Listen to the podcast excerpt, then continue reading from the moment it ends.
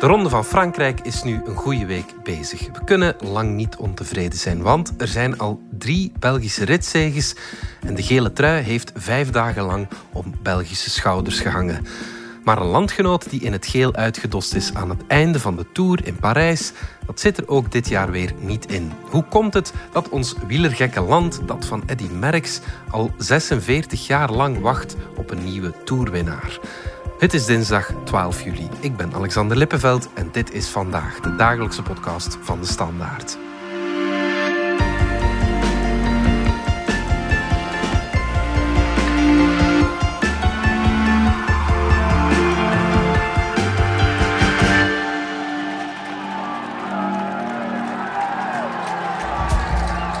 Om te beginnen een korte stand van zaken na de rustdag van maandag van gisteren. We hebben al drie Belgische ritzeges. De openingstijdrit werd door Yves Lampaard gewonnen. En Wout van Aert won twee ritten. Vooral over zijn eerste ritzege gaat nog heel lang gesproken worden. Hij reed een tijdje lang in het geel, maar zijn gele trui is hij intussen kwijt aan de onvermijdelijke Tadej Pogacar, die ook al twee ritzeges op zijn naam heeft staan. Het was dus een bijzonder mooie eerste toerweek voor de Belgen. Ik denk niet dat we er al zoveel gehad hebben, vooral met die gele truien. Benedict van Klooster, wielerjournalist, hoe uitzonderlijk is het dat een Belg in het geel rondrijdt in Frankrijk? Het gebeurt toch niet zo heel vaak. Toch sinds de, als we even gewoon ons beperken tot eh, de periode sinds de eeuwwisseling, mhm. dan zijn Yves Lampaert en Wout van Aert de zesde en de zevende Belg die de gele trui om de schouders hebben. De laatste die hen vooraf ging was uh, Greg van Avermaat, die daar twee keer was ingeslaagd in 2016 en 2018. Toen voor een langere periode, een achttal dagen van Avermaat. En daarvoor moeten we toch al terug tot uh, Jan Bakelands in 13. Oké, ja. Dus we moeten het koesteren, het gebeurt niet zo heel vaak. Ja, ja, ja, ja, Het is inderdaad al van 1976 geleden dat we nog eens een uh, Belgische eindzege mochten vieren. Hè? Toch bij de mannen, want uh, ondertussen hebben we wel al een uh, winnares gehad in de Vrouwentour, die toen nog de Ronde van de Europese Gemeenschap heette. Dat was toen Heidi van de Vijver. Okay. In 1993. Ja. Ook een organisatie toen in handen van um, de Tour, dus van de toenmalige Société du Tour de France, ja. uh, die dan later is opgegaan in ASO. Mm -hmm. En dat was eigenlijk de voorlopig laatste officiële editie van uh, de Tour de France Féminin. Ja. Tot over een paar weken natuurlijk. Dan komt, hier daar verandering ja, ja, okay, maar ook dat is natuurlijk al lang geleden. Uh... Ja, ja, inderdaad. Ja. Maar bon, laat ons even kijken ook naar, die, mhm. naar die mannen. Lucien van Impe was de, was de laatste toerwinnaar. Hè? Proficiat, jij hebt een trui. Ja. ja, ik ben echt natuurlijk echt tevreden. De eerste keer in mijn leven, uh, daar, verlang ik, daar verlang ik nu al acht jaar naar. Wat denkt u over Lucien? Oh, verdomme goed, jong. Oeh, al wint. Al wint, jongen, al wint. Altijd. In 1976 al, ja. In 1976. Ja. En het uh, bijzondere is ook dat we eigenlijk sindsdien, zelden of nooit moeten we zeggen, nog echt dichtbij zijn geweest. Mm -hmm. En dat is ook het grote verschil met de vorige lange droogte. De periode voor Eddy Merckx zijn eerste toerzege in 1969. Nog voor de start van de laatste halve etappe kon de Belg Eddy Merckx breed uitlachen. Want hij wist zijn leiderspositie in het algemeen klassement onbereikbaar. Ook voor de Fransman Poulidor, die in deze tijdrit naar Parijs een achterstand van ruim 20 minuten onmogelijk kon overbruggen. Merckx, als laatste gestart, toonde nog eens zijn suprematie...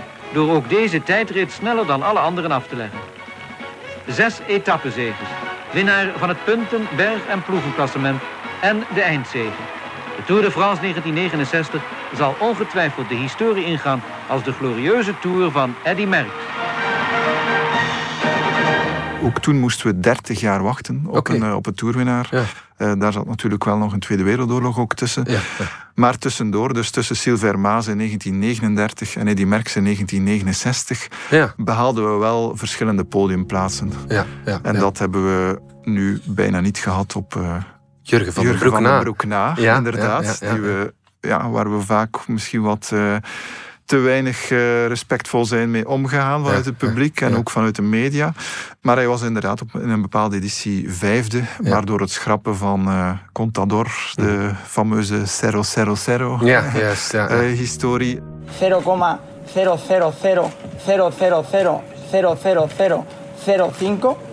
gramos en eh, mililitro eh, picogramos.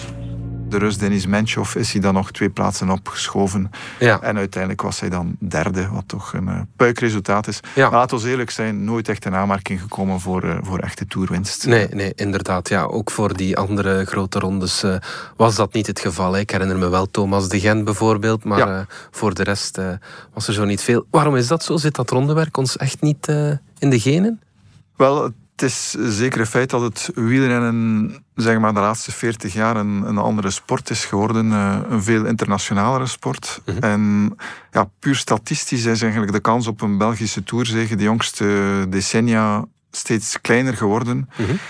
De oudere luisteraars zullen zich herinneren uh, dat in uh, 1919. dat zijn al heel oude luisteraars. dat, er toen inderdaad een, een Belg won, Firmin Lambeau. Ja, ja. Maar dat toen ook meer dan vier op de tien deelnemers nog de Belgische nationaliteit hadden. Oké, okay, ja. Dus, um, en als we nu eventjes kijken in, in de huidige ronde van Frankrijk, die nu aan de gang is, zijn we met 18 Belgen van start gegaan. Ja. En daarmee komen we uit op een, uh, ja, een 10% ongeveer. Ja. Dus dat is nog een, een, een kwart van uh, wat we een eeuw geleden hadden. Maar ook tussendoor, als we begin jaren 80 even kijken, ja, dan hadden we op een bepaald moment 50 van de 150 deelnemers Ja. waren, waren Belgen. Ja. Dus dat was eigenlijk het hoogste aantal ooit. Ja, dus een veertigtal jaar geleden is dan een soort van kentering uh, gekomen. Ja, inderdaad. Vanaf um, de jaren 80 is die internationalisering van het profpeloton in een soort stroomversnelling terechtgekomen. Eigenlijk parallel met de globalisering van de economie, zeg maar. Okay, ja. Dus je kreeg dan meer sponsors die, die ook internationale belangen hadden. Mm. Die stuurden dan aan op ook meer internationale rennerskernen. Mm -hmm. En dat is dan ook de periode geweest waar we bijvoorbeeld de eerste Australische gele trui kregen met Phil Anderson. Okay, ja. De eerste niet-Europese tourzege met uh, Greg LeMond. And so the final standings in the 76th edition of the Tour de France reveal that Greg LeMond won in the smallest margin ever recorded in this race, eight seconds. That was the difference, about a football field, after 2,031 miles in the Tour de France. De eerste golf van Colombianen met uh, ja, legendarische klimmers als Herrera en, Ja. en Fabio Parra. Ja. Dan eind jaren 80 kregen we de val van de muur van Berlijn. Kregen we nog eens een uh, Ja. Zwerm voormalige Oostblokkers die Juist, het peloton kwamen overspoelen, zeg maar. Ja. En daarbij kwam ook dat veel van die toen nog exotische tussen aanhalingstekens renners gehard waren door het leven. Die moesten uh, de grote oversteek maken naar Europa. Ja. Terwijl ja, bij ons ondertussen de turnleerkrachten meer en meer begonnen te klagen over de fysieke conditie van onze jeugd. Ja, ja, ja.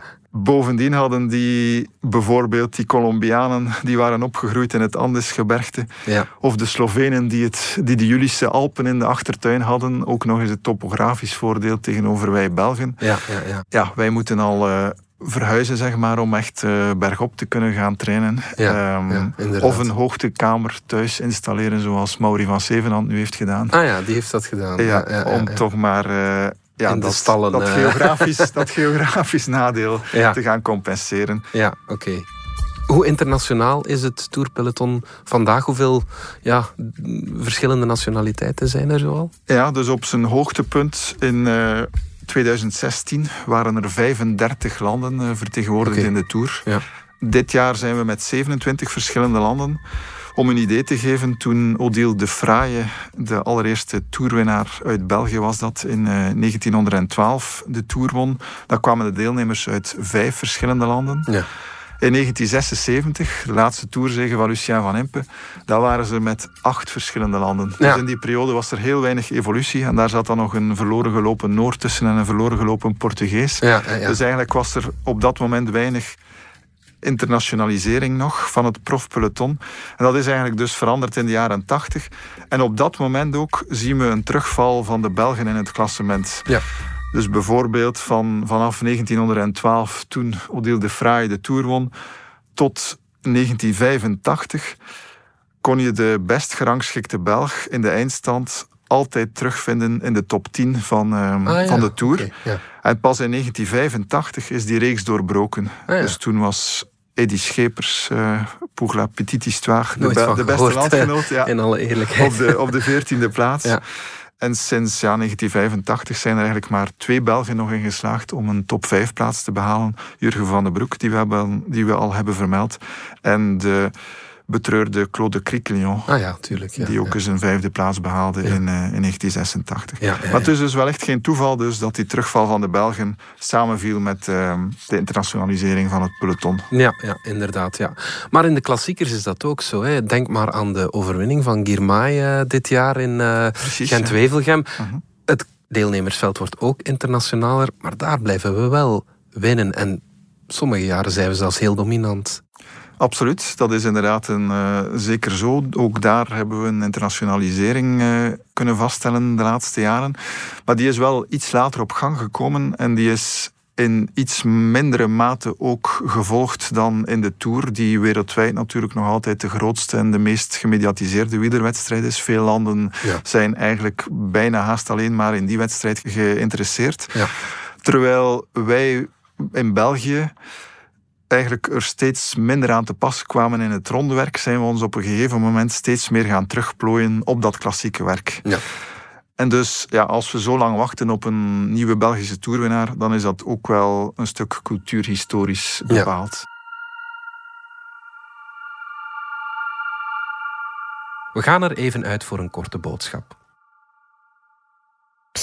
Hé, hey, luisteraar. Ik wil je niet storen hoor. Nee, integendeel. Ik wil gewoon even zeggen dat ik heel blij ben dat je een momentje voor jezelf neemt. Ma, ik ben thuis hè. Het leven is al druk genoeg soms. Wat gaan we eten? Ja, schatje, ik kom ze bied. Ik moet eerst nog even iets afwerken. Oké. Okay. Zeg, iedereen verdient een momentje voor zichzelf. En net zoals dat jij van je podcast geniet, geniet ik om even verder te werken aan mijn Lego-bouwwerk. Misschien ook iets voor jou? Zoek even op Lego-sets voor volwassenen. Benedict van Klooster, wielerjournalist. Kunnen onze profteams hen dan niet op uh, andere gedachten brengen? Ik kan me niet voorstellen dat Patrick Lefevre niet van dat geel nog eens droomt. Hij heeft uh, als manager van zijn Quickstep-ploeg en van Mappij daarvoor letterlijk alles al gewonnen, mm -hmm. maar nog geen Tour. Mm -hmm. Dat is toch het hoogst haalbare in de wielersport. Dat is inderdaad zo. Hij heeft met Tony Rominger in de tijd wel in gescoord in de Ronde van Spanje en de Ronde van Italië. Maar zoals je zegt, in die grote eindzege in de Tour, die ontbreekt nog op dat palmares. Uh -huh. Lefevre heeft altijd beweerd dat hij lange tijd daar niet heeft op ingezet. Om twee redenen. Ten eerste had hij naar eigen zeggen het budget niet. Uh -huh. Het is zo dat rondrenners nog altijd de best betaalde of de duurste vogels van het peloton zijn, zeg maar. Uh -huh. En een tweede reden is ook dat hij op een bepaald moment volgens hem, of dat bleek ook uit de feiten natuurlijk, een grote ronde niet kon worden gewonnen zonder ongeoorloofde middelen, uh, zeg ja, ja, maar, doping okay. te nemen. Ja, en Lefevre beweert dan dat hij ook daarom zich niet in die strijd wilde mengen. En het is eigenlijk pas sinds de invoering van het uh, biologisch paspoort, dat was ja, een, een, databank met alle bloedwaarden die de Internationale Wielerunie bijhoudt sinds 2008. Ja. En waardoor de wielersport nu naar verluid zuiverder zou zijn. Uh -huh. Dat hij nu ook opnieuw meer die ambitie koestert om ook dat laatste gat op het palmares van zijn ploeg dicht te fietsen. Ja. Maar dat betekent ook nog niet dat dat met een Belg hoeft te gebeuren. Ja. Uh, hij heeft het met Uranus uh, geprobeerd wel. Hè? Hij ja. heeft het met Uranus geprobeerd. Ja. En het zou commercieel gesproken misschien zelfs interessanter zijn om, om de Tour te winnen met een uh, renner uit een uh, grotere markt. Ja. Ja, ja. Zeg maar, à la Philippe bijvoorbeeld. Ja, ja, inderdaad, ja, natuurlijk. En hebben onze jeugdopleidingen er, uh, er ook iets mee te maken? Dat denk ik wel dat dat ook in het verleden een, een rol heeft gespeeld. Mhm. Um, alleen al bij het selecteren van het talent uh, is er een periode geweest dat ja, klimmers en tijdrijders over het hoofd werden gezien. Terwijl in Nederland bijvoorbeeld er het Rabobank opleidingsproject was. Ja. Dat heel veel um, uitstekende rondrenners heeft voortgebracht. Mhm.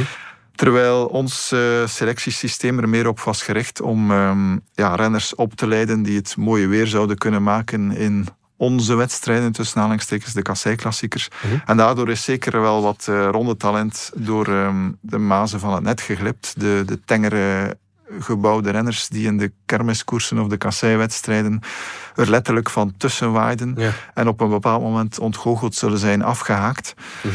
Daar is nu wel een tijdje al veranderingen gekomen, moeten we zeggen. Renners worden nu meer gescreend op basis van um, inspanningstests. Ja. Dus waarbij dan zwart op wit duidelijk wordt hoeveel watt per kilogram lichaamsgewicht iemand kan trappen. Ja. En als hij dan aanleg heeft, dan krijgt hij ook de kans tegenwoordig om in het buitenland te gaan rijden. Dus er is wel beterschap uh, op komst, wil dat zeggen? Ik denk wel dat de inhaalbeweging is ingezet. We zien nu toch de laatste jaren steeds meer Belgen die ook in het klimmerk of in het tijdrijden kunnen uitblinken, of mhm. in beide in het ideale geval. En dat zijn natuurlijk nog altijd de twee disciplines waar een eindzege in een grote ronde op gebaseerd is. Ja. We hebben bijvoorbeeld ja, Dylan Teuns gehad, die vorig jaar dan een Alpenrit won. Dat was de eerste Belgische ritzege in de Alpen sinds Lucien van Impe in 1983. Eh, ja. En heel hoopgevend zijn ook de prestaties in de beloftecategorie van de laatste jaren. Dus eh, in de Ronde van Frankrijk voor um, jongeren hadden we vijf jaar geleden bijvoorbeeld een Belg die tweede werd in de eindstand na Egan Bernal, de latere toerwinnaar. Dat was de betreurde Björk Lambrecht. Ja, juist. Ja, ja. Ook een paar jaar geleden, in 2019, hadden we een Belg op het podium met Ilan van Wilder. Ja. En als we kijken in de Ronde van Italië voor beloften, de zogenaamde Baby Giro, ja. Eh, hebben we nu de laatste jaren toch ook een aantal landgenoten die daar mee in de running zijn voor de eindzege. Met Henri van de, van de Nabele, die ehm, twee jaar geleden al eens op het podium stond. Hij werd toen tweede na Tom Pitcock, toch? Oké, ja. Vorig jaar werd hij nog eens uh, derde dan. En ook uh, dit jaar stond er een Belg op het podium in die Giro voor beloften met um, Lennart van Eetveld. Dus dat is toch ook wel een naam om te onthouden, denk ja, ik. Ja, ja oké. ja, ja. En dan heb je tenslotte ook nog een renner die nu wel al een profcontract op zak heeft, namelijk Kian Uitenbroeks. Mm -hmm. Iemand die nu al de nieuwe Evenepoel wordt genoemd. ja, oké. ja. um, maar die effectief ook wel eh, in de jeugdcategorieën uh, blijk heeft gegeven van heel wat klimtalent. Mm -hmm. Maar toen, op het moment dat hij de nieuwe Evenepoel werd genoemd, was hij de eerste om op het rempedaal te gaan staan, ook, ja, om de verwachtingen wat te gaan milderen. Ja. Dus uh, laten wij hem ook vooral de kans geven om rustig door te groeien, zou ik zeggen. Ja, absoluut. Zit er een toekomstige toerwinnaar tussen? Dat is natuurlijk de vraag. Hè? Wel, de kans dat hij uiteindelijk dat er geen tussen zit, is groter dan dat er wel in tussen zit. puur statistisch alweer. Ja. Um, het zijn veelbelovende prestaties. Maar tegelijk moeten we toch ook nog altijd een uh, slag om de arm houden. In die zin dat, dat die prestaties bij de jeugd geen garantie bieden voor bij het werk bij de profs. Omdat je ja, alleen al bij de beloften koers je enkel tegen je generatiegenoten. Bij de profs kom je bij een veel breder uh, deelnemersveld terecht, over verschillende generaties heen. Eén voorbeeldje, iemand als Tim Mellens bijvoorbeeld, die was uh, in de juniorencategorie, won die de Alpenklassieker. Dat was ja, de klimkoers bij uitstek voor die categorie. Tim die droomde ook van een carrière als ronderenner. Mm um, hij heeft een heel verdienstelijke carrière uitgebouwd. Maar ja, bij de profs is zijn lichaam nog wat geëvolueerd. En hij is toch meer een man geworden voor de zwaardere eendagskoersen en voor de korte etappekoersen. Met niet te veel hooggebergte. Ja. Terwijl hij bij de jeugd nog de evenknie was van bijvoorbeeld Wilco Kelderman. Die, okay, die twee jaar geleden nog, dus de Nederlander die twee jaar geleden nog op het podium stond van de Giro. Ja. En vorig jaar vijfde was in de Ronde van Frankrijk. Ja, oké, dan uh, kan dat inderdaad nog evolueren. Eén naam hebben we nog niet genoemd, verbazend genoeg. Uh, iemand die ook het predicaat nieuwe merks al gekregen heeft, uh, hoewel we daar geen fan van zijn, dat is Remco Evenepoel. Wat met hem? Remco Evenepoel is eigenlijk een verhaal op zich. Dat is dan iemand die je bezwaarlijk een product kunt noemen van een opleidingssysteem. Het is een keeper. Of ja. het zou het voetbal moeten zijn. ja, geen keeper, maar het was een veldspeler. Ja, maar ja, inderdaad, een voetballer. Een voetballer en zo, zo, zo, zie je maar dat de ontdekking van talent eigenlijk ook soms afhangt van toevalligheden. Inderdaad, ja. ja, ja. Evenepoel heeft nu wel al wat, wat, wat knappe zegens, hè, maar uh, een toerzege is toch nog wel een paar stappen verder. Hè. Zal hem dat ooit lukken, denk je? Of, uh... Het is zo dat, laten we ons daarmee beginnen, dat Evenepoel op zijn negentiende al Europees kampioen tijdrijden werd en vice-wereldkampioen tijdrijden. Maar in die andere cruciale discipline voor aspirant toerwinnaars, zeg maar, het klimmerk, moet toch nog altijd blijken of hij ooit met de wereldtop zal kunnen wedijveren. Met name dan in het hooggebergte bedoel ik. Mhm. Dus ehm, begin 2020 heb ik hem zelf eens die vraag gesteld. En toen vertelde hij dat dat normaal gezien met dat klimmen ook wel in orde zou komen. Ja. Hij baseerde zich toen op een paar tests die hij had afgelegd in, uh, in Livigno. Maar tegelijk voegde hij er ook zelf wel aan toe dat dat nog niks garandeerde voor een koers waar, en zo zei hij, altijd het kleinste kwaadje voldoende zou kunnen zijn om bergop de rol te moeten lossen. Ja, ja, ja. Maar ik zou toch vooral beklemtonen dat Evenepoel nog altijd maar 22 is. Ja, ja. En hij heeft verdorie al Luik, Luik gewonnen. Hij heeft Luik, Bastenaken, Luik al gewonnen. Hij heeft al een eh, hele reeks korte etappekoersen gewonnen. Ja, ja, ja. En als de Belgische wielerliefhebbers ja, zijn kansen of Evenepoels kansen op een eventuele toerzege gaaf willen houden, Ja. dan denk ik dat ze vooral de diamant Evenepoel moeten koesteren. Ja. Dus als er iemand is die aspiraties kan maken op eh eindzege in een grote ronde van het huidige peloton van de Belgen, dan is het uiteraard wel Evenepoel. Ja, ja, ja. Van Aert heeft nu een tijdje in het geel rondgereden. Daar mogen we trots op zijn. Nu mikt hij vooral op die groene trui. Hij heeft al een heel comfortabele voorsprong in dat klassement. De beste Belg in het eh, algemene klassement is zijn ploegmakker Ties Benoot op de 29e plaats op goed 16 minuten. Maar ik kan me toch niet van de indruk ontdoen dat Van Aert ooit wel die gele trui zou kunnen vasthouden tot in Parijs. Hij won vorig jaar op de Mont Ventoux. Hij wint tijdritten. Als hij zich ooit op dat klassement toelegt, zou hij het dan echt niet kunnen? Ja, het eerste probleem is al dat het werk tegen de klok, dus die tijdrijden, dat dat de laatste jaren eh, enorm is teruggeschroefd. En ik zie daar niet meteen verandering in komen. Plus we moeten toch ook die zege op de Mont Ventoux, hoe mooi ze ook was, een klein beetje in perspectief plaatsen. In die zin dat hij natuurlijk met een... eh, en dat, dat eh, Van Aert is ook de, de eerste om dat zelf eh, zo te kaderen. In die zin dus dat hij aan de tweede beklimming van de Ventoux, dacht ik met nog een minuut of vijf voorsprong, begon op de echte pretendenten voor de eindzege. Ja. Dus ik zou zeggen een, een dichtere ereplaats dan die negentiende plaats die hij vorig jaar nu heeft behaald. Dat behoort zeker tot de mogelijkheden. Maar om te kunnen wedijveren met die echte specialisten, zou hij heel wat gewicht nog moeten verliezen. Ja. Dus ik denk dat de groene trui van nature ook veel meer op zijn lijf geschreven is, Ja. allround als hij is. Ja. En laten we ook ja, een klein beetje de verwachtingen ook temperen ten aanzien van Van Aert. Hij is een geweldige renner. Hij is heel allround. Maar we moeten ook niet het, eh, het eh, ja, onverwachte of het, eh, Het onmogelijke, het onmogelijke verwachten. Ja. gaan verwachten, inderdaad. ja. Maar als alles goed gaat, dan staat hij in Parijs wel te blinken in het groen, denk ik. Hè.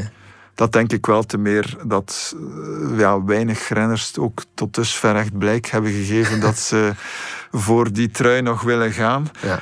Misschien ook al wat ontmoedigd eh, vanuit de wetenschap dat ze het moeten opnemen tegen iemand als Van Aert. Het doet Ja. mij wat denken aan de periode van Peter Sagan, Ja. waar hij op den duur eigenlijk ook al een soort koning één oog in het land ter blinden werd, omdat iedereen al op voorhand bijna de handdoek eh, in de ring had gegooid. ja, inderdaad. Goed.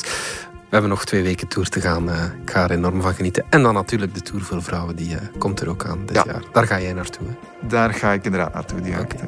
Super. Benedict van Klooster, dankjewel. Dankjewel.